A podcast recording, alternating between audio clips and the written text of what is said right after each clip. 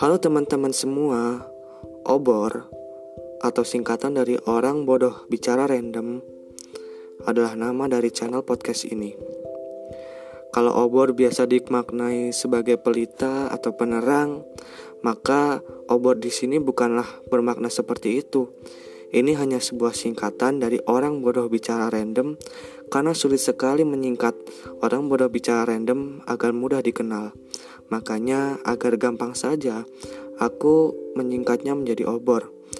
Nah, channel podcast ini berisi opini-opini pribadi aku mengenai orang yang biasa-biasa saja, orang yang belum menamatkan pendidikan, istilahnya itu adalah orang yang masih bodoh mengenai hal-hal atau keresahan pribadi yang aku rasakan mengenai berbagai hal.